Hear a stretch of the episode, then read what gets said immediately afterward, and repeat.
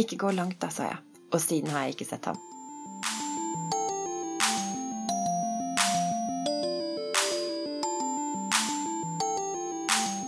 Hei, og velkommen til Sykepleiens podkast. Liv Bjørnhaug Johansen er sykepleier ved nevromuskulær sengepost ved Drammen sykehus, og kvinnen bak sykepleiens faste spalte Liv Laga, som du her får høre i podkastversjon. Denne gangen er tittelen Frihet versus trygghet. Katten min er forsvunnet. I går ettermiddag kom han inn haltende på tre bein. En hoven pote, sannsynligvis en absess som ser kvele etter et basketak blant gutta i gata. Best å holde seg inne i kveldpus, sa jeg, men han var ikke enig. Jeg forsøkte meg på å lukke han inne mens vi andre satt i hagen i den skumrende augustkvelden, men få nyttes. Samvittigheten min begynte straks å gnage, og da han satte sine ravgule øyne i meg og sa Hvem er du til å røve sensommernatten fra en vakker og eventyrlysten yngling? var jeg fortapt. Ikke gå langt da, sa jeg, og siden har jeg ikke sett ham. Saken er at jeg liker ikke å bestemme over andre, eller mer presist, jeg liker ikke å frata andre sin frihet. En sosialantropolog tegnet en gang opp en linje for meg. I den ene enden skrev han frihet, i den andre trygghet. Ethvert samfunn kan plasseres et sted på denne linja, for det ene vil i de aller fleste tilfeller gå på bekostning av det andre. Jo mer trygghet, jo mindre frihet. Jo mer frihet, jo mindre trygghet. Norge er et samfunn som setter frihet høyere enn trygghet. Vi kan flytte hvor vi vil, gifte oss med hvem vi vil, skille oss, velge livssyn og utdanne oss etter evne og ønsker. Prisen er svake nettverk og lite sosial trygghet. Vi setter friheten høyest. Det er derfor jeg slipper katten ut for å la ham realisere seg selv i augustnatten, i stedet for å stenge ham inne i tryggheten til poten er leget.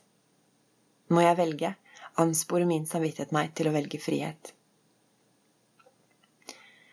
Men jeg har valgt en jobb og en avdeling der jeg stadig må velge friheten bort for andre. Som førsteårsstudent hadde jeg høye idealer om ivaretakelse av pasientens integritet og rett til frihet. Jeg grøsset over paternalistiske pleiere på sykehjem og alle deres små forbud. Jeg lot min demente primærpasient tegne med syltetøy i hendene, og fulgte etter henne når hun insisterte på å gå i tøflene ut i vårregnet. Jeg tenkte at bare vi var etisk bevisste åpne og aldri glemte at pasientene var mennesker som oss selv, vil vi kunne gå gjennom yrkeslivet med rene hender. Men så kom alle de situasjonene der det bare ikke fins noe riktig svar. De som gir deg vondt i magen uansett hva du velger å gjøre. Mannen som nekter å ta imot sykehjemsplassen hans utslitte kone har kjempet for et år. Anoreksiapasienten som nekter å spise og vil dø om de ikke sondemates med tvang den demente damen som ikke husker at hun har tannprotese og følgelig opplever alle forsøk på å ta denne ut som grove overgrep. For dette er noe av det vanskeligste vi gjør. Å forvalte andre menneskers bevegelser på aksen mellom frihet og trygghet. Det er ikke så sjelden vi må ofre friheten i trygghetens tegn, men vi skal gjøre det med den største ærbødighet og med litt vondt i magen. Det var Liv Bjørnhaug Johansen med sin faste spalte Liv laga. Om du vil høre flere episoder av Sykepleiens podkast, så finner du alle sammen på sykepleien.no, på iTunes og på podbean.com.